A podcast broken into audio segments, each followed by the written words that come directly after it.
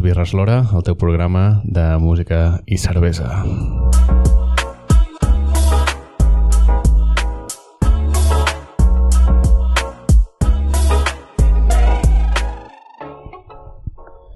Nosaltres som el Dani. Hola, Dani. Bon dia, bona tarda, bona nit, com esteu?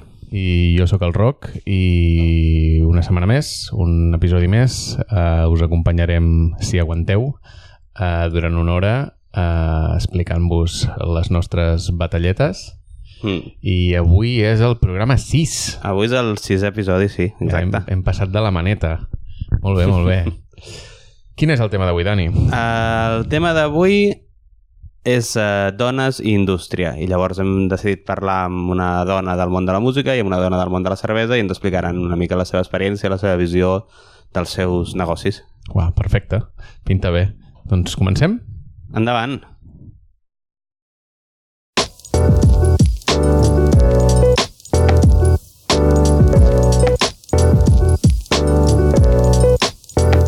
Què bevem avui?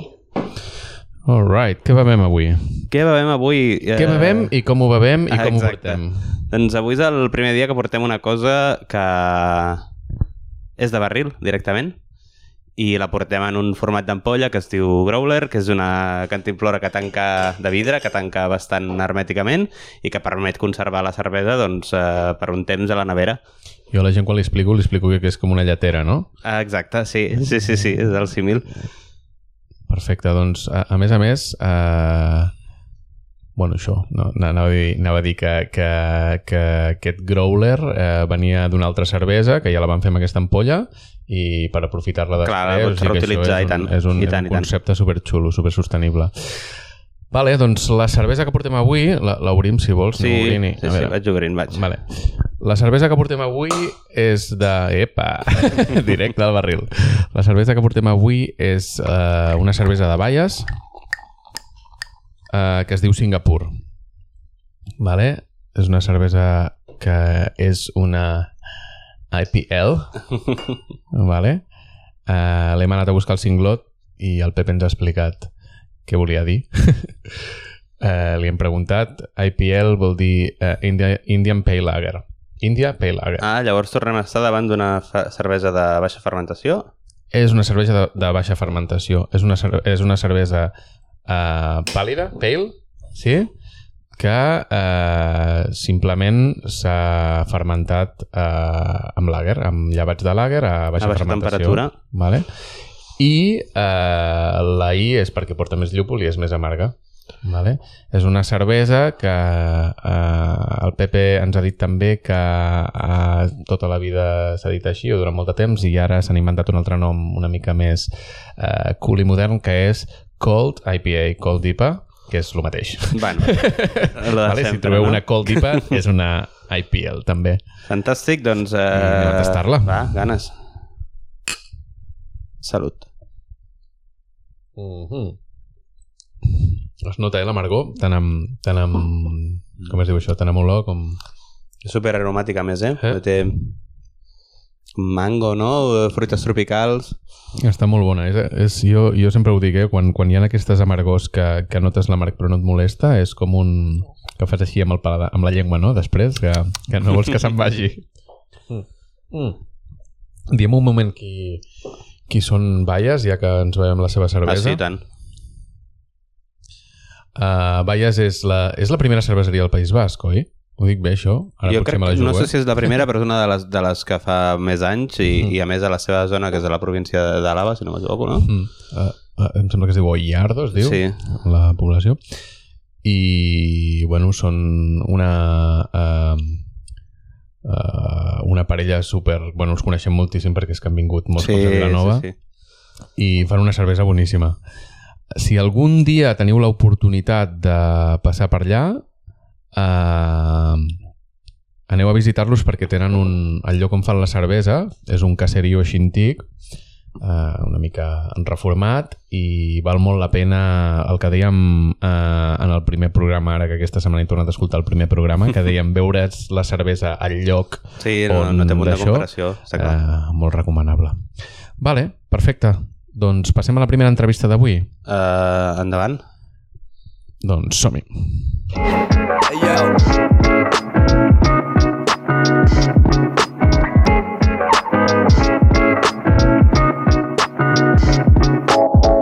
L'entrevista. I amb qui parlem eh, ara? Doncs eh, la primera persona que m'ha entrevistat és la Memi, la Memi Sila.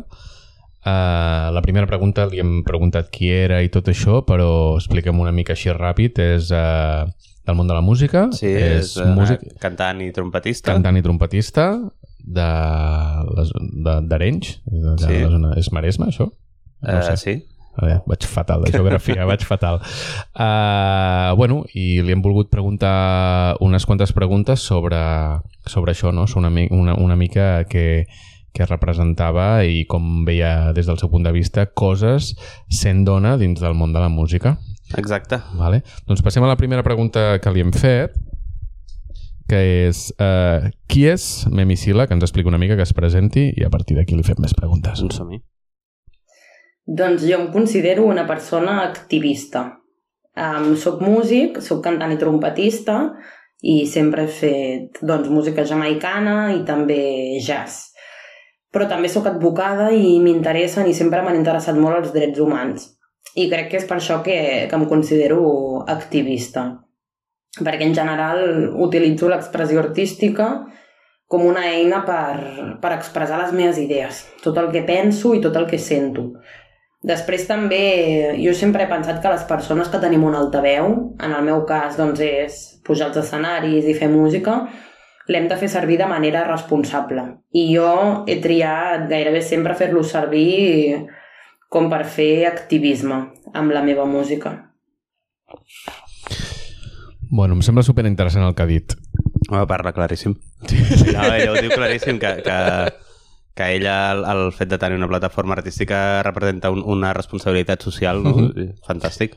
Jo, jo això a vegades ho, ho, ho penso, tinc com el dubte no, de si en el nostre en el nostre cas que nosaltres sempre, mira que sempre intentem obrir-nos una mica però sempre acaba sortint l'esporneta jamaicana eh? Ah, sí, sempre, però- no, que fa altres coses, Sí, no sé sí. què, però sempre eh, els nostres lligams són jamaic... bueno, jamaicans, de la música jamaicana eh, en, el, en el cas de que nosaltres posem música jo últimament m'ho preguntava tenim una responsabilitat eh, a l'hora de transmetre les coses o és, eh, hauríem només de passar-nos-ho bé o tenim eh, l'oportunitat de poder transmetre altres coses Jo penso que, que a mesura que et vas fent gran te n'adones que, que quan tens, com diu ella exactament, com diu la Memi, que estic 100% d'acord, quan tens, tens un altaveu l'has d'aprofitar no només per, per eh, donar entreteniment o, o, o exposar un fet artístic, sinó també per mullar-te.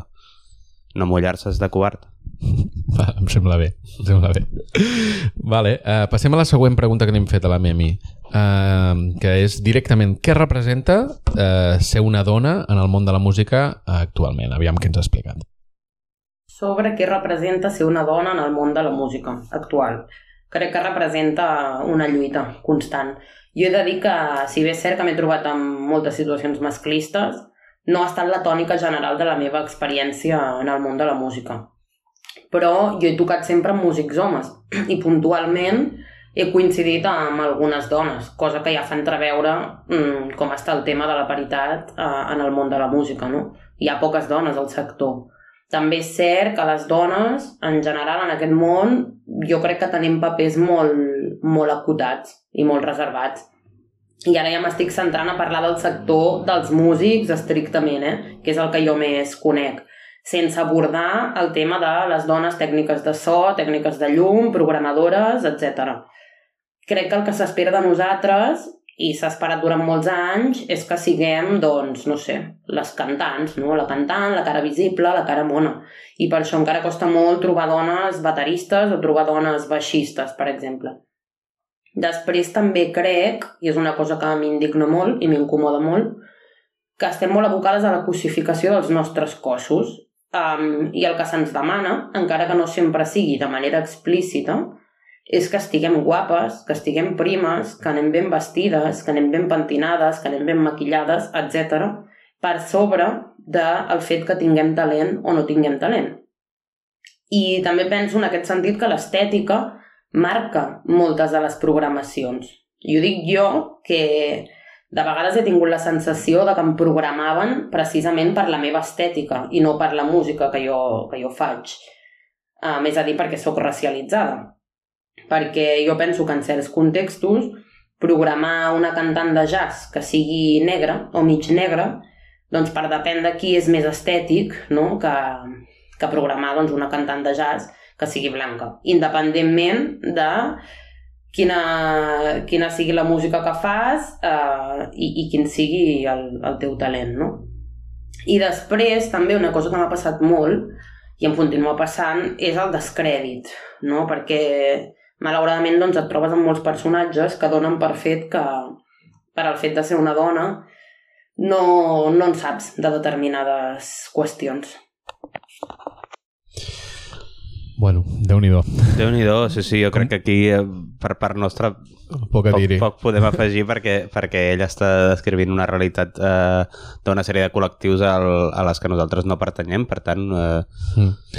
És, és curiós la, la Memi que, que nosaltres que la coneixem mm, a, a mi sempre m'ha semblat una mica més tímida i com s'expressa i com ho explica tot eh, super, par- parla de puta mare i ja es veu que, que té un, un, un discurs eh, molt, molt, molt ben pensat, molt ben estructurat i que, i que se l'ha treballat moltíssim i que, que ha estudiat i que, i que està, el que ella deia a la primera pregunta, que està preocupada per coses que van més enllà del fet artístic Sí, de, sí, de, sí. de pujar a un escenari a fer música. Que guai, quina, quina sort que tenim I tant. de conèixer-la, dic, eh? i de poder-la entrevistar. Vale, passem a la tercera pregunta que li hem fet. Eh, ja que eh, sabíem que li trauríem molta suc, eh, li hem preguntat eh, Memi, què en penses de l'apropiació cultural? Aviam, què ens ha dit. Vale, l'apropiació cultural, que em sembla un, un temazo, a part d'un tema molt, molt delicat de tractar, perquè desperta, desperta moltes, moltes sensacions diferents i contraposades per molta gent, eh, per mi és un fenomen bastant lamentable. I també crec que és un fenomen que crea confusió, eh? perquè jo l'entenc com, com un fenomen... L'entenc com un privilegi. Val? Un privilegi reservat doncs, per a algunes persones, persones que es troben en una posició dominant no? i que agafen elements d'una cultura o de persones que han estat oprimides sistemàticament. I a mi que m'obsessiona, sobretot, el tema dels esclaus, la colonització, el racisme, els drets de les persones negres, etc., doncs m'indigna molt. I m'indigna bàsicament perquè molts d'aquests elements, per exemple, ara em ve al cap um, els pentinats afro, han estat elements que per les persones negres, en el meu cas, ens han avergonyit. Vale? Um, moltes persones blanques han fet que sentim vergonya del nostre cabell natural, en aquest exemple que estic posant, però en canvi una persona blanca que es faci una permanent afro um, ho fa com un símbol d'orgull i de moda i penso que això el que fa al final és esborrar tota la connotació que té per nosaltres i que ha tingut per les, les generacions que, que ens han precedit. I això ho dic en primera persona, perquè jo durant molts anys mm, em vaig avergonyir del meu cabell natural, mentre veia moltes persones blanques lluint permanents afro, molt orgulloses. També crec que hi ha la situació que quan una persona blanca s'apropia culturalment d'alguna cosa, val? dic persona blanca o dic grup de privilegi, sigui música, sigui roba, sigui el que sigui, um, aquesta cosa de la qual s'ha apropiat uh, serà molt guai. Val? Però si aquest element el fa servir la persona racialitzada o no blanca o la persona de, del grup ètnic que sigui, sempre es veurà com massa ètnic. I després també hi ha el tema de que per mi l'apropiació cultural eh, el que fa és perpetuar estereotips i això no m'agrada gens. Pel que fan al sector de la música, jo penso que sempre s'ha de crear des de la consciència i des del respecte. Vale? Consciència de quina és doncs, la nostra posició. I també crec que és clau en aquesta qüestió si els elements que, que s'estan agafant de la cultura que sigui, val? Eh, cultura oprimida, diguéssim, els estem agafant on serveixen per treure un rèdit comercial d'això. O ho estem fent, doncs, amb, amb un nivell de consciència alt i perquè volem reivindicar, mm, no sé, el que sigui. Vull dir, és un tema difícil i delicat i penso que és un tema que no tothom entén. Uf. jo no estic al nivell, si vols parlar No. tu. No, és, és complicat i, i, i costa parlar-ne quan, quan no formes part de cap minoria de- d'aquestes i que, com, com diu la Memi, doncs en el meu cas, eh, la meva posició de privilegi és total. Mhm. O sigui, eh, quan t'ho explica una persona ho explica tan bé com ella, llavors comences a, a veure... Entendre coses. A entendre moltes coses. Jo me'n recordo una vegada parlant amb, amb, amb el Trevor de, de Melodians, eh, que en Pau descansi, que m'explicava com era ser un rasta a Jamaica als anys 70. Mhm. Ell era una persona que es va morir l'any passat o fa dos anys i que es va morir amb 70 i llargs, gairebé 80 anys, i que era rasta des de molt jove i el rasta en aquell moment era una, una, un, un, un outsider. Eh, Mhm. Ell durant una època que no podia entrar a casa dels seus pares perquè, perquè eh, portava dreadlocks i era rasta Mhm.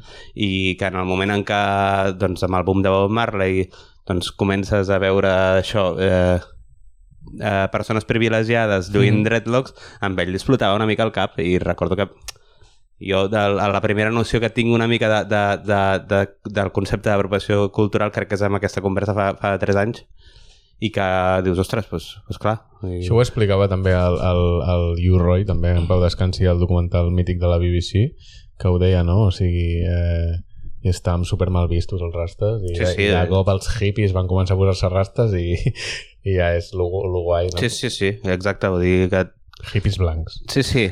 No, i que, que, que, que una cosa tan simple com això eh, ja et diu que, que hi ha d'haver molta consciència abans de, de, de prendre una decisió, a vegades tan banal com és l'estètica, Uh -huh. perquè el que per tu només pot, pot voler dir un pentinat, per una altra persona pot voler dir molt més. I, i s'ha de ser bastant cuidadós i, com diu la Memi, sobretot intentar prendre el màxim de consciència sobre què estàs fent i per què ho estàs fent. Mm.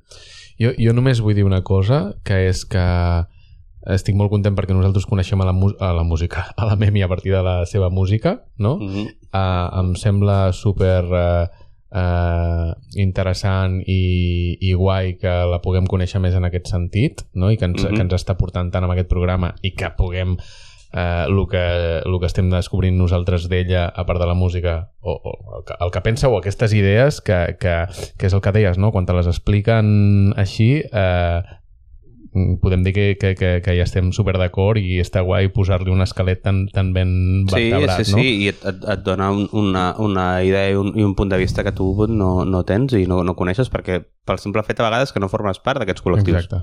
Jo només volia fer l'apunt que, que després de tot això que no se'ns eh, no se'ns no se'ns oblidi si ella no comenta les següents preguntes de parlar de la seva música Ah, sí, sí, sí. sí, sí, sí Record, que- recordem-ho perquè, perquè nosaltres la coneixem per això i, i, i, ens agrada molt la seva música Sí. després ho comentem si no ens ho diu passem a la quarta pregunta que és eh, quines artistes ens recomanes escoltar sí o sí?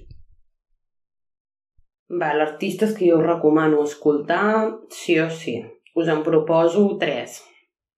Tot i que si us fes una llista, la meva llista crec que seria infinita. Um, la primera és una música de Mali. Les tres són cantants i guitarristes. Aquesta primera és la Fatumata Diawara. La segona que us proposo és la Lianla Abbas, que és britànica, i la tercera, que també és britànica, és de Londres, és la Joy Crooks. Fantàstic, doncs deures i, Sí, sí. i, i coses apuntades pel mix. Jo de, de les tres que, que han dit en conec a dues, però la primera també ens l'estudiarem. Perfecte. Doncs eh, passem a la cinquena i última pregunta, que és la pregunta obligatòria fins ara. És recomana'ns un disc eh, i una cervesa per degustar alhora. Aviam què ens ha dit Doncs tenint en compte que estic recuperant música que feia temps que no escoltava i que sóc d'Arenys de Mar, jo us proposo el disc Mama's Gun de l'Erika Badu, que em sembla un dels millors discos de la història de la música, i la cervesa, la Cinera. Fantàstic. Eh, 100% d'acord amb, amb, que, no, no, amb, que aquest, amb que aquest disc de l'Erika Badu és un dels millors discs de la història de la música. Se m'ha posat la pell de gallina quan ho ha dit, quan Ah, ho has sentenciat. És apuntem un aquesta discàs. cervesa, Cimera, vale? Jo... A Cinera, de, de, Cinera. que vol dir arenys al revés. Clar. Ah, sí? Ah, ella tira cap a casa. Ah, L'has provat o no, aquesta? No. Hòsties, jo...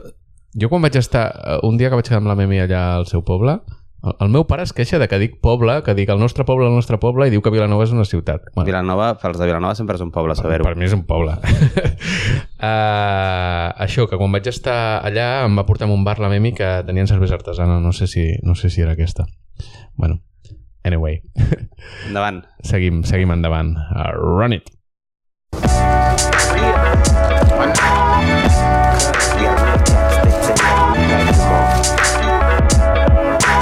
Estàs escoltant Dues Birres l'Hora. Xipiré, mate! Yes, Chippery Mate. Bueno, és, has, has corregut aquí. Anava a dir, era el primer cop que el Dani no s'acaba la cervesa abans d'obrir la següent. No, anava, ho hem anava a tirar així. la pulla. M'he fet el joc del trilero jo mateix, pim-pam-pum, i hem fet tota la feina la Uh, vegada. abans de, de passar a, a lo següent, moltes gràcies, Memi. Uh, Sí. Moltes gràcies per les teves respostes. I parlem de la seva música un moment. I tant. Diem, nosaltres la coneixem... Ella, eh, cantant i trompetista, està... l'hem escoltat fent moltes coses de, de soul, jazz i blues i aquestes coses, però la coneixem especialment per un projecte que es diu Double Jabs, Exacte. en què ella és la front woman. Mm -hmm. eh, música d'arrels jamaicanes eh, amb, amb altra gent que coneixem darrere seu. Sí, ja... és, és un projecte eh, molt um, eh, amb el nostre amic Gosde que, que és el que ens ha cedit els, Els separadors, Eh, és un projecte molt personal eh, seu Uh, que ell és teclista, el Xevi, i, i la Memi és la, la cantant d'aquest grup. Molt recomanable, que Molt escolteu recomanable. el disc, uh, està planxat en vinil, el vinil de Double Jabs, i, si plau es, eh, escolteu-la i compreu el disc, si, Exacte. si en queden. vale, perfecte. Pues ara sí que haurem d'omplir gots.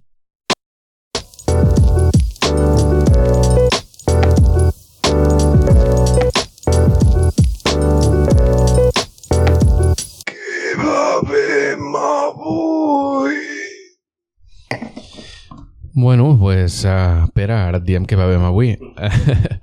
Aquesta segona cervesa sí que no és amb growler ja, és una ampolla. És una ampolla que també hem, hem, hem obtingut al cinglot, que ens l'ha vengut el Pepe.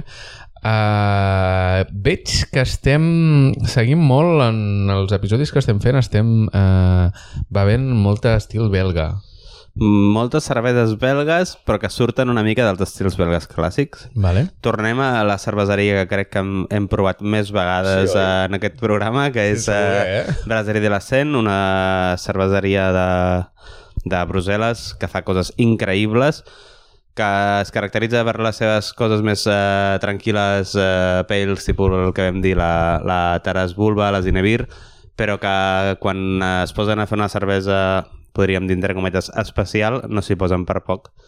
I esperem que aquesta doncs, eh, segueixi la mateixa línia. Una ampolla de, de 3 quarts, de 75, Sí, i és una, una brown ale amb bret i envellida en barrica de... Què vol dir embret? En bretanomices, amb... Eh, Ah, vale. Un... un... Collons. Llevat. Un llevat que, que bastant propi de les cerveses eh, que tiren més a, a, a matisos àcids. Vale. Cervesa sense filtrar uh, i està, a part de... Això està refermentada a l'ampolla, o sigui que aviam que... Són aquestes cerveses que l'obris, quan l'obris pot tenir un gust diferent. Sí, No? sí, sí, clar. Vull dir que... La cervesa canvia i, i... Sí, sí, tinc l'obridor a la mà. I, bueno.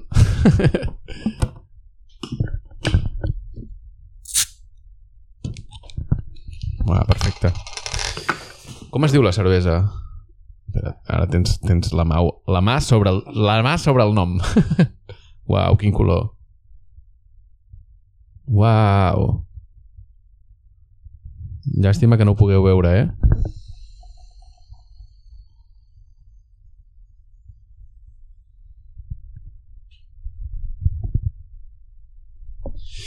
Doncs és una cervesa amb un color així superfort, supertorrat. Uh, és brillant, no? Jo ho veig com com brillant, amb una, una espuma que, que fa agafar la cullereta. Deixa'm... La cervesa es diu Narrembat. Narrembat. Narrembat. A lo millor és basca. No, hauríem de, de fer una mica d'investigació de, de per què el nom, però ja sabeu que, que com és allò, quien mucho abarca poco recoge, doncs ens passa una mica això, que, que a vegades eh, Fem el que podem, estem sí. aprenent amb vosaltres. arribem on arribem. També us diem això, eh, si us plau. Uh... No, no hem parlat del mix. No hem parlat del mix, parlat no hem mix, parlat, de les sintonies, no hem No. parlat del mail, no hem parlat Hòstia, de som un desastre. Sí, sí. Quina, quina, Bueno, quina, fer- quina sort que encara ens esteu escoltant. Escolta, mentre uh, baixa l'escuma podem fer tota la sarta de, Vale, de perfecte. gràcies i propagandes i això. Vale, doncs primer de tot, uh, el mail. Tenim un mail que és dosbirres uh, arroba gmail.com allà ens podeu criticar, ens podeu uh, uh, demanar, si us plau, on, on us enviem les cerveses. Eh, no, si voleu Eh, suggerir temes convidats, estem oberts a... Si, si ens voleu fer algun aclariment d'alguna cosa que, que, que no sapiguem i que l'haguem dit malament o que tinguem dubtes i ens vulgueu donar informació, doncs nosaltres al següent episodi ho explicarem uh, amb molt de gust. Uh, el mix, el mix. Uh, nosaltres... Uh, que Música i birra. música i birra, vale? va per volums i llavors eh, simplement el que fem és això, totes aquelles cançons, artistes i de més que s'han anat parlant durant cada episodi, fem un mix que el pengem a Mixcloud, vale? que si busqueu dues birres l'hora, el 2 amb un número 2 eh, el trobareu el anem penjant, eh, això, no? Quan surt el podcast. Sí, sempre surten a la vegada el podcast i, i mix surten a la vegada. Recordeu que el podcast surt cada 15 dies, que el podeu trobar Que... a la majoria de plataformes, a Spotify, exacte. Anchor, a Google Podcast, a tot arreu. Mm. I el mix en aquest cas està a Mixcloud. Mixcloud, sí. I, i, i crec que ja està, no? De moment. Sí, Provem i la cervesa. Ho dic perquè, perquè ha baixat Ja ha l'espuma. baixat l'escuma, ja... Aviam. està bé, està bé. Aquest intermezzo que hem fet està bé. Vinga, va. Complexa, eh? Té moltes coses al Sí, nas. sí. Jo crec que la presència del, del bret que dèiem abans es, es nota es nota bastant al nas, almenys. Saps que tinc la sensació, Dani? Que... Que... Bueno, parlo per mi, eh? Però tinc la sensació que estem provant uns birrotes que... que no estem... Que jo no estic al, al nivell de saber el que és o de, de poder assaborir-ho... Bueno, Però pot això, escolta'm una cosa. Uh, tu estàs al nivell de saber si una cosa t'agrada o no. Això sí, uau! Doncs uh, no cal que que sàpigues... Oi que quan tu veus un cotxe que t'agrada, saps si t'agrada només veure'l i només provar-lo sense saber quin és uh, l'intríngulis allà de per què t'agrada allò? Bueno, amb la música em passa el mateix. Doncs amb, amb la cervesa és una mica el mateix. Vull dir, nosaltres podem tenir nocions perquè som ho, una... ho has dit perquè no en tinc ni puta idea de cotxes. No, no, però és un dia, és per posar un exemple i perquè, sí, perquè la és gent veritat, ho entengui. Eh, nosaltres podem ser una mica més nerds i saber què és el bret i saber que és una cervesa amb, amb, amb un envelliment en barrica i no sé Mhm. què, però a vegades no, no és necessari que sàpigues més enllà del que, de que associïs al teu gust. És a No, dir, no, no, no, no ho deia en tu- aquest sentit. No, no, no ho deien que hauria de saber més, sinó al revés. És dir, hòstia, m'estic fotent uns birrotes que no sé si em mereixo. clar que tu mereixes, per què no? No, sí, sí, jo Vull estic, la- estic encantadíssim. Estem, estem parlant de cervesa, que, que una de les grans eh, gràcies que té la cervesa respecte a molts d'altres tipus de begudes és que, que de, el cor de la persona que la fa i la ven eh, el primer que vol és que la tassi tanta gent com sigui possible. Estic d'acord. I això és una cosa que a mi sempre m'ha fascinat del món de la cervesa, especialment de la cervesa artesana, i és que, que el cerveser acostuma, o cervesera, Mhm. acostumen a ser persones super apassionades pel seu producte i que el primer que volen és que el seu producte arribi a tanta gent com sigui possible i, i que agradi a tanta gent com sigui possible. No, hi ha molt menys eh, Tabú. esnobisme, Ja, ja. hi ha molt de menys eh, voluntat d'exclusivitat que en altres mons. Menys tonteria. Bueno, tonteria n'hi ha molta, eh? Vull dir, si voleu un dia fem un episodi dedicat a la tonteria i això, vull dir, perquè ara amb una uh, lager llupolada li hem de dir cold uh, IPA que, Sí, sí. i no uh. Imperial Pale Lager, no sé. Va. Aquestes coses que, que també hi són, eh? Hi són, hi són. Són.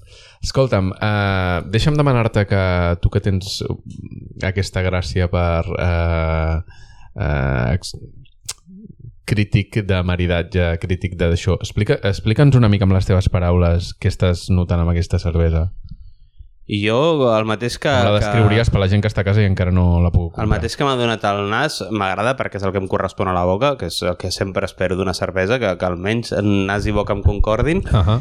Eh, és una cervesa que jo, llegint l'etiqueta, al dir-me que era una brown ale envellida en barrica, no m'esperava, perquè és molt més fresca, molt més lleugera i molt més fàcil de, de trago llarg Sí, que no? que Pel, jo pel, m'esperava. pel color també sembla que sigui diferent, Sí, però això a vegades també passa amb, amb segons quin tipus de, de, de cerveses torrades, eh, segons quin tipus de, de amb poc alcohol i això, que tu veus que aquella cervesa et penses, això serà un, una xocolata desfeta i no. Llavors després veus que és una cervesa superfàcil i, i superagradable de, de passar.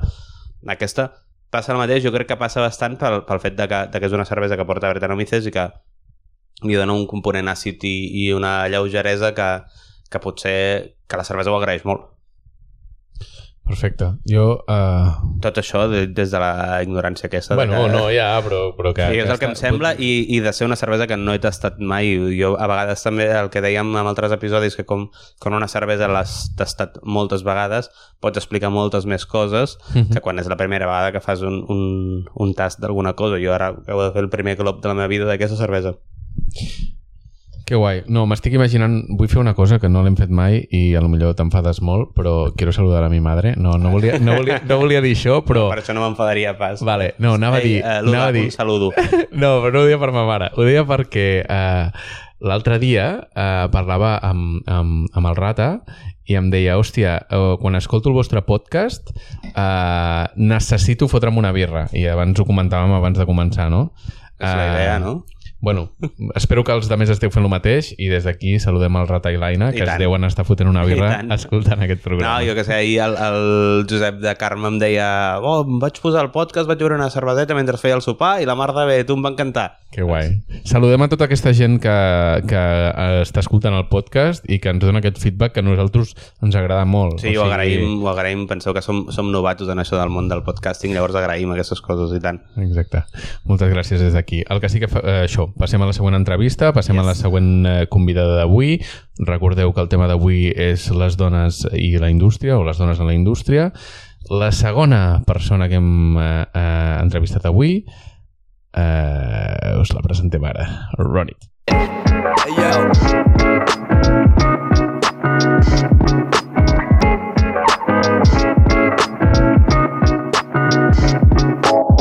L'entrevista.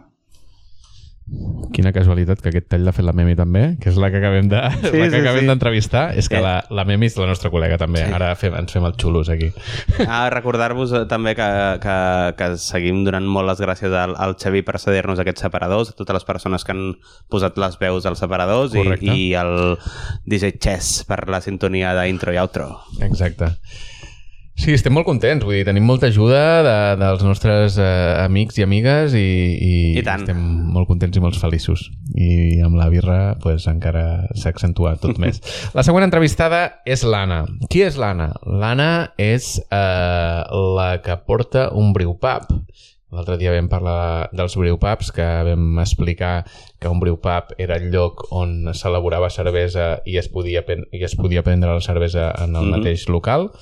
És un pub que hi ha a Barcelona, al barri de Poble Sec, que es diu uh, Briu Pub Le Sec. Briu Pub Le Sec, amb aquest joc de paraules. I bé, li hem fet uh, cinc preguntetes també perquè ens expliqués una mica la seva experiència, tot dins d'aquest uh, context que estem parlant avui. La primera pregunta que li hem fet a l'Anna és què és Briu Pub Le Sec? Aviam què ens explica. Què és el brewpub Le Sec? Doncs, per començar, és un brewpub. Un brewpub és un espai on es produeix cervesa i pots prendre-te-la al mateix local. Nosaltres el valor afegit que tenim és que la servim directament des del fermentador. Llavors, doncs, et prens unes cerveses superfresques, punxades eh, molt, molt recent fetes. A part, doncs, és molt acollidor, tenim molta fusta, hi ha molt bon ambient, tenim musiqueta molt variada i bona i de molts estils diferents, encara que, bueno, molts estils diferents. I, bueno, ja està el Poble Sec, doncs amb un ambient de puta mare, molt bon, molt bon aire. També cal dir que bueno, fem cosetes per picar i, i bueno, quan la pandèmia ens deixava, o sigui, quan- no teníem pandèmia, doncs fem algun eventillo, algun, algú de música en directe també, alguna presentació de cervesers i, bueno, bon rotllo. No sé, Dani, però jo ja tinc ganes d'anar a provar la I tant, fusta, la fusta aquesta. No, no, eh, molt interessant el, el tema de que decideixin servir directament del fermentador. Això vol dir que mm, poques cerveses al món podràs eh, veure més fresques que allò. Sí, sí, o sigui, la, la idea és, és original i interessant. Uh, la segona pregunta que li hem fet a l'Anna és què té, ho diré mal dit, què té lo artesanal que no té eh, lo industrial? Aviam què ens explica. Doncs, bueno, per mi la diferència entre la artesanal i la industrial, que bueno, és el eterno debate, doncs seria la quantitat i la qualitat de la matèria prima. No? Nosaltres, bueno, ells fan cervesa amb quantitats industrials i nosaltres posem llúpol en quantitats industrials. Eh, I, bueno, i malta. La diferència és bàsicament aquesta, bueno, i l'amor que li posem, no? No és el mateix l'amor que li pot posar un forner a la seva barra de pa que la, la bosseta de pa bimbo, no? Sempre quan toques el producte, doncs, és com més que et deixa una part, una part de tu allà impregnada, no? No sé, és molt més, molt més proper. Eh, per mi, bàsicament, és aquesta, és la diferència de, de qualitat Sí, bueno, són, són con- conceptes xulos per explicar això quan, en, quan ens ho pregunti algú, no? Uh, el tema de les quantitats industrials. A mi em fa gràcia el, el, el, el, el que ella diu de i nosaltres posem llúpol en quantitats industrials. Sí que és veritat que, que en el món de la cervesa artesana eh, el llúpol va que vola. Un dia podríem entrevistar amb el... Amb el de l'Opolina. No, no, bueno, ei, aquesta seria una bona, eh? Amb els de l'Opolina, un producte de lúpul, Mm. de llúpul estaria guai, però amb els, com es diuen, els bojos, els eh, can bogeries, eh, antic halls, que tenen un, una certa obsessió amb, Bueno. el, amb el tema del llúpul i Ara, ara, ara veuràs que, que tenen relació els de Halls amb l'Anna. segur, segur, segur. Uh, I això que explicava de, que nosaltres ho comentàvem abans, em sembla que ho hem parlat abans un moment, el tema de, de l'amor, no? Quan, quan tu cuines alguna i dius que és l'ingredient que, hòstia, que bo que està això, és que està fet amb molt amor, uh, jo crec que això té molt a veure amb lo, amb lo, amb lo artesanal. L'amor hi té a veure i que la persona que està darrere de fer una cervesa, un menjar, un, el que sigui, es preocupi que tots els ingredients que porten el que ell està elaborant siguin de primera i siguin fets també amb el seu corresponent amor, carinyo i això, eh, i no només eh, compro això perquè és el més barat o compro això perquè estava d'oferta, eh, el resultat final ho agraeix. Jo ara faré una cosa que no hem fet encara, que és... Uh, que és llançar una pregunta a la gent, vale? que és uh, què és per vosaltres uh, això de les etiquetes que parlem normalment, què és per Mhm. vosaltres una cosa ecològica? T'ho pregunto tu també, però que ens Sí. expliqui la gent aviam què, què, què és el que pensa. Què vol dir alguna ecològic per tu? bueno, ara mateix eh, en el país en el que vivim vol dir al- alguna cosa que per, per portar aquesta etiqueta d'ecològica ha d'estar certificada per un comitè que es diu CCCPAE i Uf. que ha d'acreditar de que tu estàs fent les coses segons el Segons que... uns estàndards, uns de, estàndards de, de- qualitat i sanitat i... Exacte, i d'això, doncs, en el cas de l'agricultura, doncs que no conté certs pesticides, que no conté segons quin tipus de llavors que puguin ser transgèniques, etc És que etc. em sembla interessant perquè jo normalment eh, no sé moltes coses i llavors pregunto molt, no? Uh, I un dia vaig preguntar, al Cinglot precisament, vaig preguntar, escolta'm, per vosaltres què és uh, algo ecològic, no? En Mhm. aquell moment hi havia el, el, el, el Matia i el Matia em va dir, bueno, li vaig preguntar directament, i em va dir, uh, per mi algo ecològic és algo que, ho dic per lo que comentaves abans, eh? és algo que uh, coneixes d'on surt tot lo d'abans. Vale? Que pot ser una traçabilitat. traçabilitat, però que a més a més és això, no? O sigui, tu coneixes el teu proveïdor, coneixes, bueno, parlo en, en termes una mica industrials, però eh, coneixes qui ha plantat allò, coneixes eh, el, que, el que ha elaborat aquesta cosa, Mm -hmm. i no sé, amb, amb això que comentaves de que saps que la persona que t'ha portat el llúpol o la persona que t'ha portat eh, la, el, el, el gra maltejat o el que sigui ho ha fet amb un cert amor, pues penso que té... Que Ah, però és que jo penso que és, que és, que és, és uh... no només és una cosa de, de capritx i de, de no, no, jo faig això perquè em queda més bo, sinó que crec que és part de l'obligació del productor, del que sigui, Mhm. saber com treballen els seus proveïdors. És a dir, jo no m'imagino que jo, per exemple, tingués ara un celler i, Mm. i fes vi i no anés a veure com va la collita de, dels llocs on compraré el raïm. Vale, em sembla superinteressant el que dius, Dani, però... eh, Ja, les... Passa, eh? Ho dic perquè No, passa no, això, no, perquè en el no. món del vi passa. I en el món de la birra, jo he vist eh, mm, gent produint birra que, hòstia, dius, eh, és, és artesanal, ho estic fent amb les meves mans, ho estic fent a casa meva, tot el que sigui, però molta matèria prima, Le meto pellet porque si no la Clar. màquina se me atraganta. bueno, pel, pel motiu que sigui, però, però jo, jo m'he trobat amb, aquesta, amb aquestes contradiccions dins de les coses artesanes Sí, el- i, el- i precisament en el no, món de la birra. La cervesa artesana té un punt de, de, de dos punts, jo crec que poden arribar a ser una mica eh, conflictius. És que, un, a Catalunya de productors de malta grans gairebé no n'hi ha i els que hi ha pràcticament només serveixen a les industrials perquè ja ho tenen tot comprat i perquè són propietat de les pròpies industrials No cal que ens envieu malta, eh? volem, la birra, volem la birra feta ja. i dos, eh, els productors de llúpol que hi ha aquí a Catalunya mm, encara no tenen una, una infraestructura prou desenvolupada com per produir el llúpol en els formats que segons quin tipus de cerveses els agraden. Pues, És a dir, s'estan... No, s'estan... jo, jo, et dic, jo et parlo des de la meva experiència les coses que he vist. Sí, eh? no, no, jo et I- dic, t'explico més o menys el que Mm. jo, el meu anàlisi, que després ja, quan la pròxima fira que, que vagi m'escalfaran la cara per totes bandes, però ja, ja juguem això. Uh, la meva experiència diu que uh, a vegades es busquen llúpols amb segons quins formats. El llúpol, per mi, si és en flor, 200 vegades millor que si és en, en pellet, Mhm. perquè la flor, a banda de, de, de, de portar resines, eh, amargors, aromes, eh, fa altra feina, fa una feina de filtratge i, i que és important també, però hi ha un, una corrent que, que prefereix el llúpol en altres formats, com per exemple el del pellet. Mhm.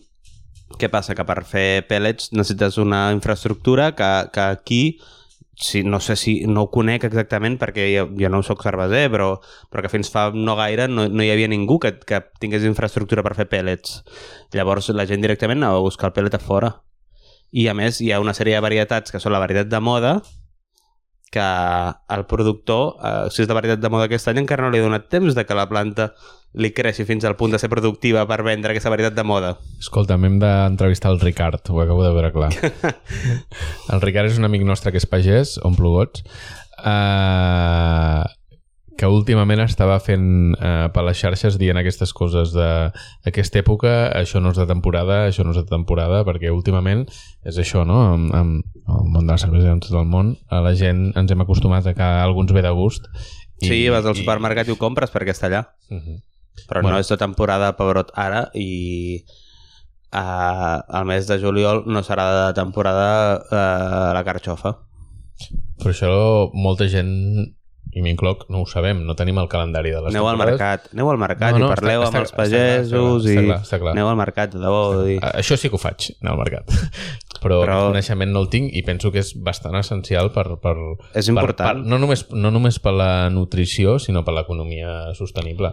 Mira, mai, mai defenso el, els ens públics en cap dels casos, però em sona, no sé si era de la Diputació o, o de l'Ajuntament, l'any passat van fer un calendari Sí, jo l'he vist a moltes neveres. Sí, que jo crec que el tinc a baix, a, la nevera, que, que eh, et proposava receptes de temporada Eh. i, a més a més, et deia eh, quines coses, eh, tant de, de la part de d'agricultura com de la part de pesca, fins i tot, Ah. eren de temporada, perquè la pesca també té temporades. Vale, ok. Només faig l'apunt abans de la següent pregunta. He parlat del Ricard. Els que no el conegueu, Ricard Huguet, seguiu-lo a les xarxes, que, que està... L'hort de les casetes. està super, Sí, sí. super combatiu i, i hem de donar el nostre granet de sorra a la seva causa perquè és molt interessant. Vale, tot això fa gairebé 10 minuts que parlem sense massa Sense- solta ni volta, així que seguim amb... amb, Amb la següent pregunta és uh, què és per tu, Anna, uh, ser una dona dins del món de la cervesa artesana? Aviam què ens explica. Ser una dona en el món de la cervesa artesana? Doncs bé, molt bé, cap problema. És formar part d'una família enorme, plena d'homes, plena de dones, plena de nens, de tot, de gossos i de tot. no, molt guai. De veritat que mai he tingut cap problema, sempre m'han tractat molt bé eh, i no, no, no he patit mai cap, cap disgust ni... Bueno, no, res. Eh, I molt bé, orgullosa de fer una feina que m'agrada i que la gent pugui gaudir d'una cosa que has creat, no? que, que això pues, fa molta il·lusió, no? veure que, que s'estampa fent alguna que, que, que l'has fet tu i, i que està bo. I ja està, i això és igual que ho faci un home, que una dona, pues, eh, és el mateix. O sigui, qui fa el pa i, i qui et fa les llenties, és el mateix. No, no hi ha cap problema. Per mi sempre he tingut molt bon rotllo amb, amb tothom i, i res. I ja està, no, no sé. Vale, perfecte. Jo eh, només vull dir una cosa, i és que um, l'Anna em deia, hòstia, um, li, quan, quan, quan li vam explicar volem fer un programa sobre les dones a la indústria, em deia, és que si, jo no he tingut mai cap problema. I li vaig dir, pues explica'ns la teva història, mm. -hmm. vale? perquè ens trobem sobretot, ja ho hem comentat algun cop, en el món de la música, gent que ens diu hòstia, és que voldreu que, par que parlem de cerveses artesanes i no ve que cervesa artesana. No, nosaltres volem veure la realitat.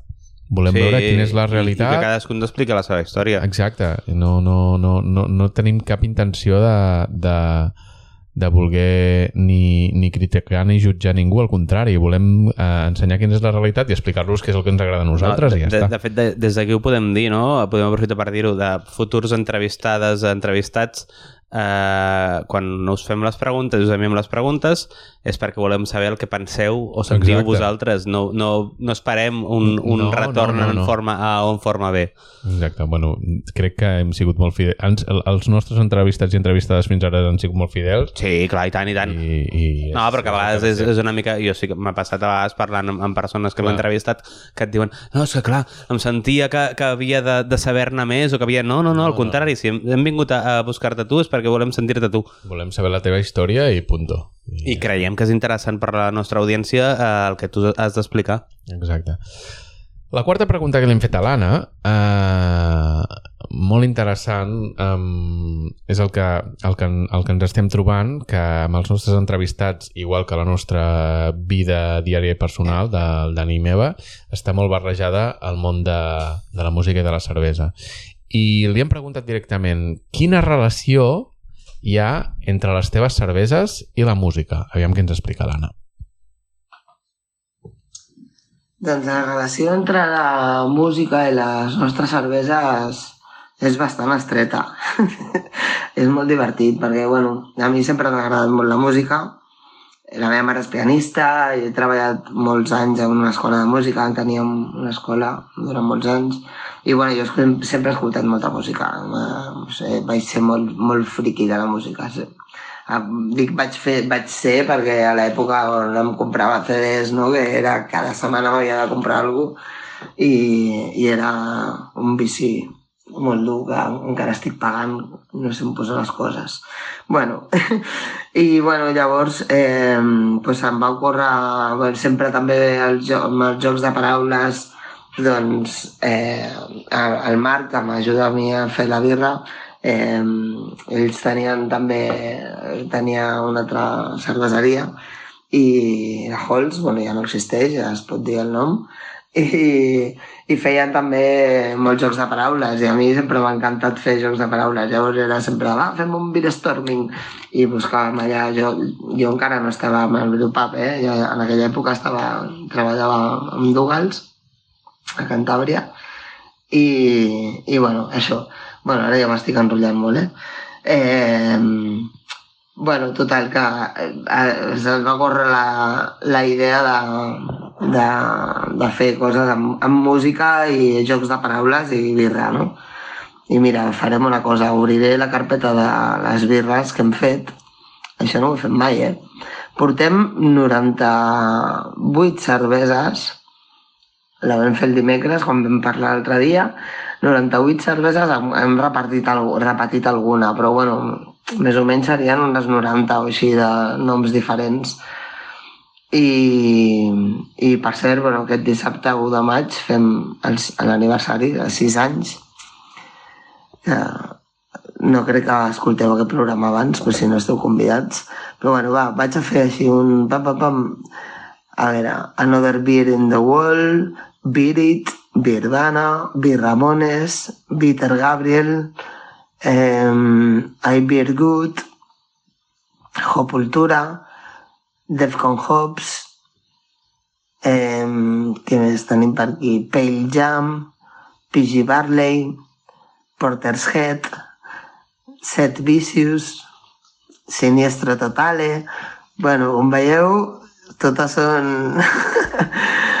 amb, amb el rotllo, pues mira, Tolkien Hobbs, eh, amb rotllos birreros i musicals. I, i és molt divertit, perquè més o menys eh, cada vegada que se t'acorreix una... Bueno, I Paco de Lucía, no us l'heu dit, no us l'he dit, que és boníssima. Eh, pues quan se quan se t'ha un nom, al final mola molt, perquè jo, a més, fins que no les provo, no puc posar-li el nom. O sigui, té, té ja quasi, quasi ben madura i encara que tinc una llista de noms, de possibles noms, que hi ha molts clients també que ens van, ens van dient noms i tal, eh, a vegades ningú de la llista em quadra i m'he d'inventar un nou perquè quan l'he provat no m'acaba de fer el no m'acaba de fer el pes, deia. Uh, farem una altra cosa, Anna. Uh, tu dius que fins que no l'acabes de provar no, no estàs segura del nom. Nosaltres, el Dani i jo, uh, jo en representació dels dos, farem al revés. Sabent el nom, voldrem provar la cervesa. I Paco de Lucía, sisplau, prepa prepara'ns una tu, eh? caixa d'Ipaco de Lucía que... El... La caixa no, perquè potser ells donen rebet embotellar. Ah, Clar, és com que veritat. serveixen directament tan fresc, tan fresc... Clar, potser no la tenen ja. Clar, no? això és el que et diu. I ella Hòstia. ha fet 90 i pico cerveses i, i suposo Clar. que n'hi ha les que tenen més èxit sí que les repeteixen, però n'hi ha que passen i, i passen de llarg. Bueno, si us ve de gust tornar-la a fer, volem provar l'Ipaco de Lucía.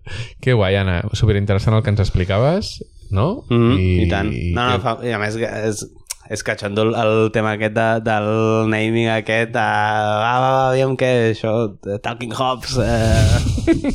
sí, sí, és Hopultura Hopultura. aviam, a vegades és el, aviam qui fa el triple mortal però no, no, endavant amb això ens encanta això, Que ens guai. encanta gent que, que li posa aquest punt de, de, de ei, eh, Sí, d'humor dins Sí, del món, sí, sí. no? I de dir... a mi, a mi això m'agrada molt més que la gent que es pren massa seriosament a ells mateixos. Estic d'acord, No, no, estic d'acord.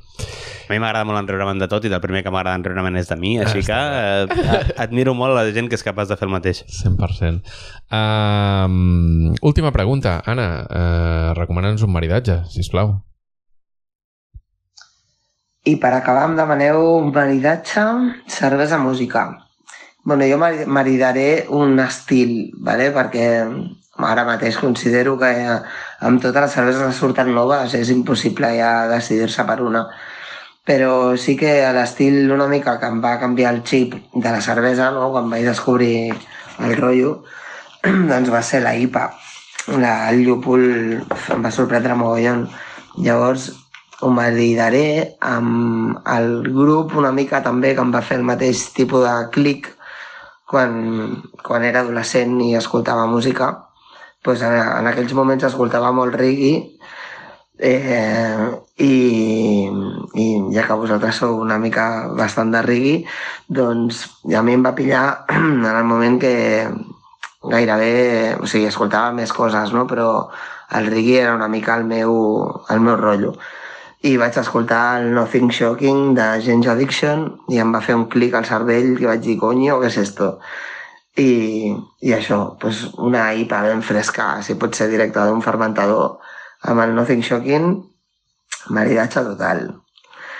I, pues res, això. Salut i gràcies per haver-me convidat.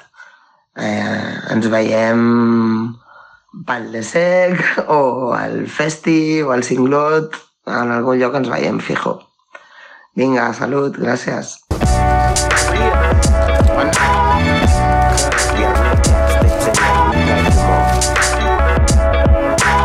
Estàs escoltant Dues birres l'hora. Yes, moltes gràcies, Anna, moltíssimes gràcies. Uh, acabo de sentir la Bibi ara dient estàs escoltant dues birres, tinc moltes ganes de, de veure't, Bibi. No hem quedat per dinar, de fet. Hem quedat per dinar, per això, per això ho dic. Uh, moltes gràcies, Anna, de veritat. Uh, M'agrada moltíssim l'oportunitat que tenim de conèixer gent que no coneixem. Mm. Jo crec que, el, que el, el seu local hi he estat una vegada, Mhm. però allò amb circumstàncies una mica tenebroses que, Ja, és- que no recordo És el massa risc, és el risc d'aquest esport. Eh, I ara m'han agafat moltíssimes ganes de, de que hi tornem i ens asseiem allà a la barra, a primera fila, a xerrar amb, amb ella un bon rato perquè veig que, que joder, a més d'això, que jo no sabia que el Marc estava allà currant, o sigui, Mhm. Que és, és un món que... És guai conèixer que, les històries, Que, que eh? de moment encara és molt petit, per sort o per desgràcia. jo crec que ara mateix és més per sort que per desgràcia i que, que molts ens coneixem i veure com s'entrecreu a la gent fa molta gràcia. No, jo què sé, jo super agraït de tota aquesta I gent tant. i, i sorprès de que, de que la gent li preguntis i que quasi el 100% de les persones quan, quan Sí, acabem de sí. fer les preguntes ens diuen gràcies per comptar amb Ah. mi, o sigui, és super guai super, super interessant. Sí, sí, nosaltres també els donem les gràcies sempre. Doncs anem a parlar una mica de música, si et sembla, Dani. Aviam quines eh, coses eh, fresques del fermentador hem escoltat. Exacte. Run it.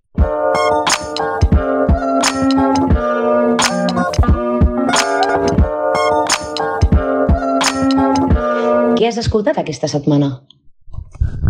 I és que has escoltat aquesta setmana.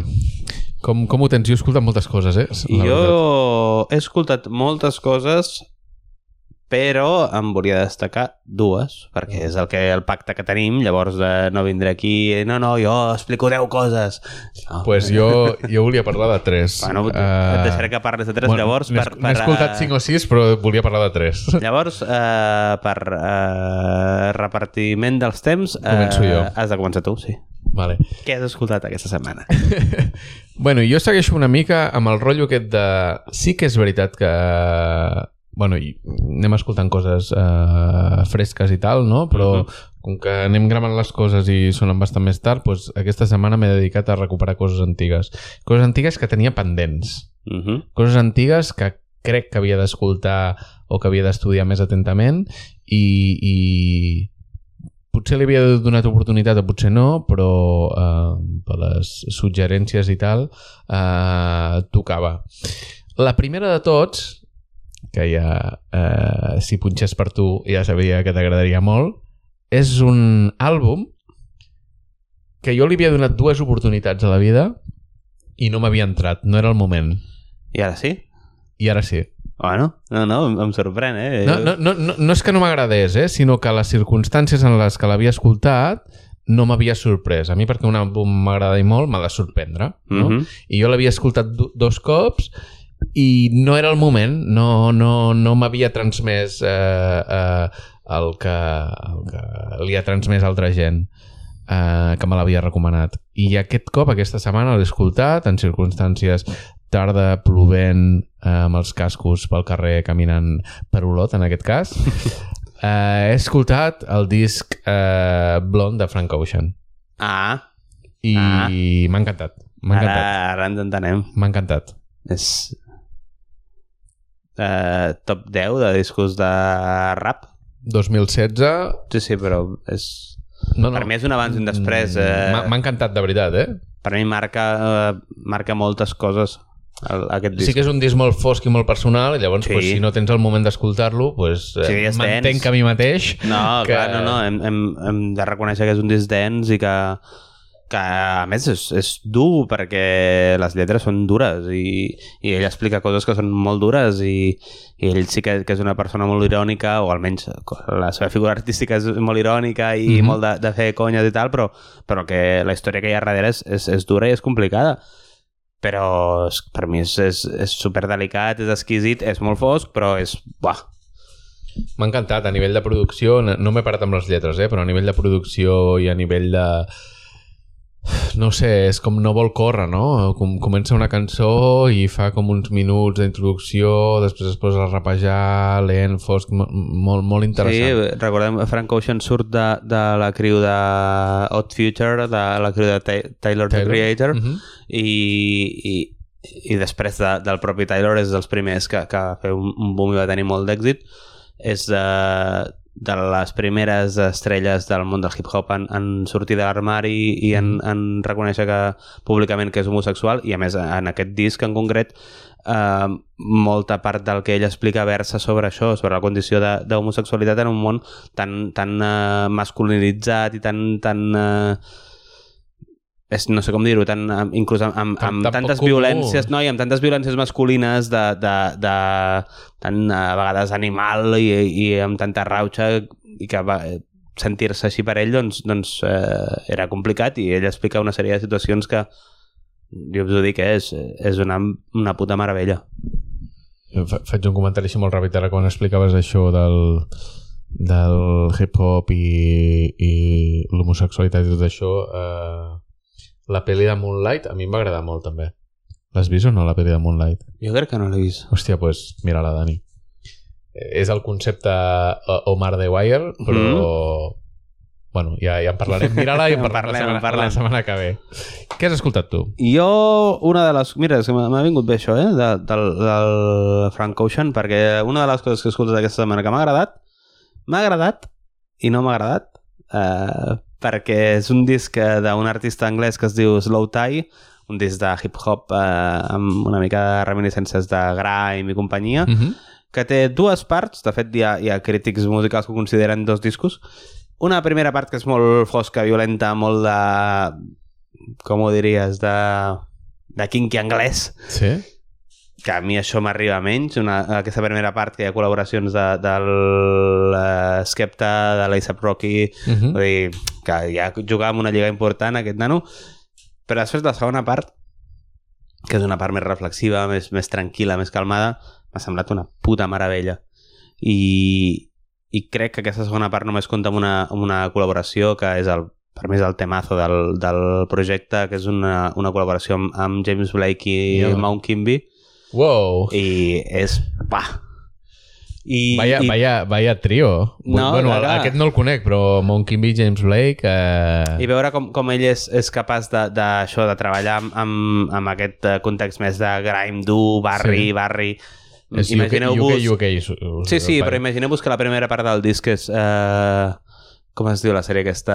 Eh, Top Boy. Sí. La primera part del disc podria ser perfectament la banda sonora de Top Boy Uh -huh. I la segona part del disc és una altra cosa. I aquesta segona, només per aquesta segona part del disc mereix, vull dir, val moltíssim la pena. Torno a fer un comentari. Uh, estic veient aquestes dues separacions molt clares, no vull posar-li adjectius. Vam criticar el primer programa, vas criticar el primer programa el, el disco del Zetangana. Mira si no l'has mirat, el Tiny Desk del Zetangana. L'has l'has vist o no? L'he vist, l'he vist, vist. Està guapo, tio. Bueno, què val allò? Bueno, el que et vulguis, però està guapíssim, tio. Què val allò? a mi Hòstia, a mi m'ha encantat, eh? M'ha encantat. és que crec no, que, no he pensat el mateix crec que tu, que li hem de donar una altra anàlisi amb això, eh? perquè allò què val? 100, Vale, però t'ha agradat o no t'ha agradat? Què val? 100, 150.000 euros? No I quin contesta, és, no i què contesta. és Tiny Desk? No sé què és Tiny Desk. Té molts calés. No, no, però què és Tiny Desk normalment? No és una plataforma en la qual músiques, o almenys en origen, músics i músiques eh, amb menys oportunitats anaven allà i es donaven a conèixer? No, no, no, va directament al top. En aquest cas, ell Mm? Vols dir que ho ha pagat? Què, Vull què vols que- dir? Ojo, eh? No Ojo sé com... que no, digues el no que sé- vulguis, eh? No, no, jo no sé com ha anat el, el, el negoci aquí i, i realment A mi perquè és que no m'agrada el que fa últimament, Uh -huh. tot i que hi ha coses que, que ha fet que s'ha de reconèixer que d'això, i tot i que sempre reconeixeré que és un tio molt intel·ligent Sí, sí. i que sap moure molt, però jo penso que, que per ell això és un intent a la desesperada d'entrar al mercat yanqui Uh, o, segurament. i que segurament no sabem quin és l'intríngulis aquí però Està no, tot, a, a, està tot subtitulat en anglès. no, a mi no, no em sorprendria si algú em digués que aquella producció l'ha pagat ell no em sorpre... o ell, o Sony, o qui collons Sí. sigui que, que li posi els Sí, sí, calés, eh? I llavors, això em, em desanima una mica perquè ho veig... Jo em tenc idees que hi ha moltes coses que les he vist que són bastant genuïnes i amb menys eh, possibilitats i que és un lloc per descobrir i penso que un artista amb, amb, així Bueno, però has descobert coses a Tiny Desk, però moltes coses eh, eren conegudes ja. Sí, sí, sí, sí, són moltes coses, coses eren- són coses eren grans conegudes. posades dins d'un projecte, d'un d'un escenari petit. no sé uh, Bueno, passa la cabra. No, igual. no, no, ja, no, no, ja, ja, dir- ja en parlarem. mireu-vos-ho, mireu 5 minuts i i uh, Ecològic no és. No, a mi, a mi em sembla que és una... Un, a part de tot això que diem, d'aquesta cosa que si ets friqui de, A mi de- molt. del funcionament de la indústria per recuperar més o menys, a mi em sembla una, una prolongació de tòpics que se'm fa pesada. Vale, Okay. Dir, jo és que amb el tema de, de tots aquests uh, arquetips uh, que, que ell tota l'estona vol refermar uh, se'n fa molt, molt al final de, bueno, noi, ja sabem que ets el més espanyol de tots, no, ca, no jo cal no, par- que, jo no que parlava siguis tan eh? estic, pesat. estic. No, no, no, eh? però jo no ho dic perquè, perquè ell surti allà amb una bandera d'Espanya de, d'Espanya ni res, a mi em suda els ous, això. Mhm. I ho dic perquè uh, ja sabem que t'han dit que per vendre't bé has de vendre un personatge fort que es caracteritzi per tal, tal, tal i Mhm, tal, mhm. però no cal que tot ho estructuris en voler accentuar aquestes coses perquè Mhm. hi ha gent que sabem llegir una mica més enllà i veiem Mhm. que estàs tornant a fer això per això, per això i per això. Parlant d'aquest programa, la, la, la, la, m'hi vaig fixar especialment la composició de, de, de com estan en aquest vídeo. Sí? Tots els nois estan assentats i totes les noies estan dretes darrere. Bueno, Bueno, ho, ho explico també. sí, sí, clar. Ja, ja, Però això és com amb, amb, amb una casa espanyola de fa Mm. 50 anys, no? Sí, sí. Uh, los hombres a la mesa a hacer el Sí, sí, vermú sí, sí. I, i les senyores a la cocina a Sí, cocinar. sí, sí, sí, sí. Bueno, ei, seguim prolongant aquests, uh, aquestes idees. Et dono la raó. Bueno, et dono la raó. Mm, Ho critico. Uh, què més he escoltat jo aquesta setmana? Ah, t'ho pregunto de tu mateix, ja, eh? Marxo? Bueno, no, diu, no dius res. No, no, perquè estàvem això, de que sempre em fas aquestes trampes perquè vols treure'm aquí el que no toca. Bueno, perquè el Robin vol fer reels. uh, jo he recuperat un altre disc uh, que, no, que no havia escoltat, que crec que havia d'escoltar i no havia escoltat. He escoltat... Uh, he començat a estudiar una mica la Georgia Smith. Havia escoltat coses de la Mhm. Georgia Smith, però no, no havia escoltat un àlbum mai. Aquesta setmana he escoltat uh, un disc del 2018 que es diu Lost and Found Uh -huh. i és recomanable. Sí, jo, recomanable. el vaig estar escoltant molt aquest estiu maco. No ho sé, és, és, és, és tranquil, no són coses per punxar una pista de ball la majoria, però té un flow que flipes. La Sí, tia. no, la tia escriu molt bé i canta molt bé i a més eh, l'associem molt amb aquests eh, dos o tres bangers que s'han dit més per la ràdio i tal, Mhm. però, però veus amb aquest àlbum que, que ja fa anys que té més coses a fer. Sí, sí, sí. Què més, tu? Jo vull recuperar un clàssic, un... amb la línia aquesta que deia la Memi d'un dels millors discs de la història de la música, Uh -huh. un dels millors discs de la història de la música, si més no de la música del segle XX, Uh -huh. eh, que és el Blue Lines de Massive Attack, que a més, eh, quan ara buscava data, perquè no me'n recordava quina data era, he vist que és del eh, any 91 i que tot just acaba de fer 30 anys. I penso, ostres, aquest disc té 30 anys? Jo crec que la primera vegada que el vaig escoltar hauria de tenir 17-18 anys i ja em va flipar llavors sabent que era una cosa antiga per mi en aquella època eh, i que sonava tan a futur i ara penso, fa 30 anys d'això i sona tan eh, tan contemporani i tan, tan actual que... Bueno, és el que comentaves al primer programa, no? Que deies eh, coses que t'han sorprès apunta-te-les amb un paper i al cap d'un temps tornes a Sí, escoltar sí, però- i això és així. Però que ja és més amb, amb la perspectiva de, de que quan jo la primera vegada que vaig descobrir aquest disc Uh -huh. eh, estem parlant de que hauria ser l'any 2003-2004 Mhm. aquest disc ja tenia quasi 15 anys Ja. i per Ja- mi, ja em, per mi em sonava a, a, a, també perquè em va, em va obrir un món a, a, quan se'm va introduir a la música electrònica que, que per Mhm. mi va ser superimportant però ara, que té 30 anys aquest disc penso, però però bueno, aquesta gent que, que prenia, saps? Vull dir, aquesta Sí, gent sí. allà al, al moll de Bristol, que, que, que collons prenia per fer el, Sí. el disc aquest que van fer? És una meravella de disc, eh, recordo eh, Blue Lines, de Massive Attack. Té temes que segurament us, us eh, sonaran molt perquè s'han utilitzat en bandes sonores, en sintonies d'alguna sèrie de tele molt famosa, amb anuncis... eh, S'ha abusat molt de, de matxacar aquest disc. Ara crec que eh, poques coses hi ha a la tele comercial que estiguin utilitzant això, per tant, està descansat. Però és un disc que era tan bo que després se'n va abusar tant que, que al final deies, oh sí, una altra vegada, l'Unfinished Sympathy, una altra vegada el, el, el, hòstia, com es deia el tema aquest? Va, és igual. El One Eh. Love. Bueno, no, no, no, sé, no sé si és d'aquest disc, però és, és, és una cosa guai que és una gent bueno, com va passar una mica amb el dubstep, no? Gent que, que estava en un context diferent, que li molava l'electrònica, que li molava el baix, que li molava l'obscur i lo, i Que lo venien del fos. dap i del reggae. Però és això, no? O sigui, tenien, venien del reggae, tenien un, un, mm. un knowledge and background super reggae que, que de fet, eh, eh, Horace Andy, Tiki Man, era gent, gent del món Ah. del reggae que Horace Andy surt als discos és que l'última gira és l'última gira que van fer aquesta gent Home, encara, l'aniversari de l'altre disc. encara era amb l'Hores Andy.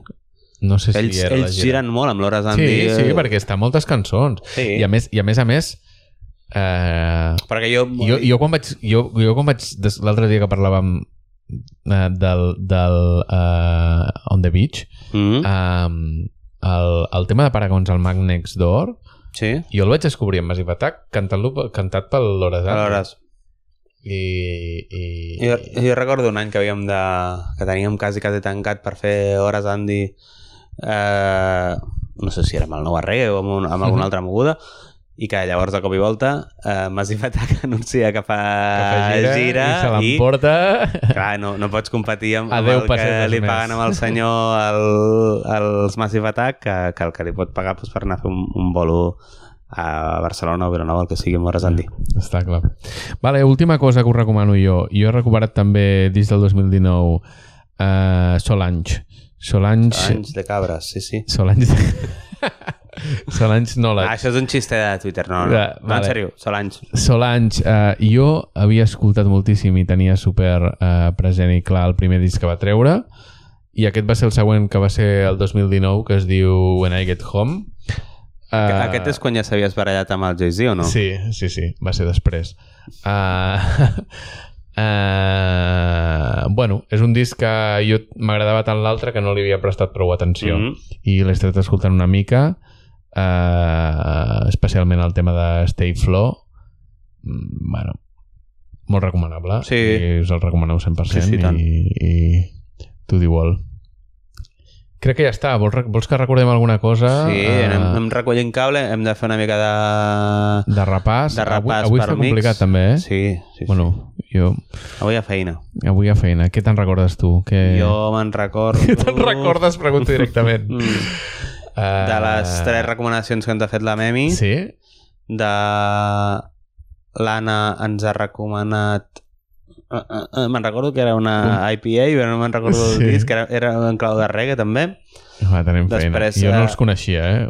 després buscar a veure si això, evidentment algun tema de double jabs i després buscar aviam què, què podem rascar de temes uh, de la Memi més uh, en projectes més personals Uh -huh. Uh, hem parlat de Massive Attack, hem parlat de Slow Tie, hem parlat de Frank Ocean, hem parlat de, George Smith. de George Smith i hem parlat de la Solange Sí. i jo crec que amb això més o menys si veiem que hem d'afegir alguna cosa més podem jugar moltíssim amb els noms del, del Bru Pablo Sec Exacte, ens ha deixat uns 15. ens ha deixat aquí 90. un porron de noms que, que podem jugar-hi i, Sí?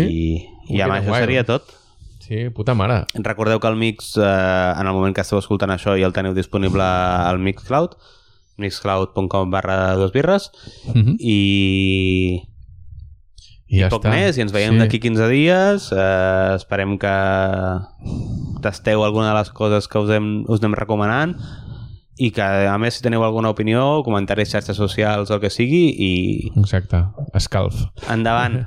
Volem sentir-vos, volem escoltar-vos i, i, Sobretot eh, saber que, que, que us està arribant això i que proveu coses de les que us recomanem o que escolteu coses de les que us recomanem, ens encanta quan, quan de saber. Exacte. I res, última cosa que diem sempre, eh, escolteu bona música, beveu una birra i sigueu molt feliços. Salut!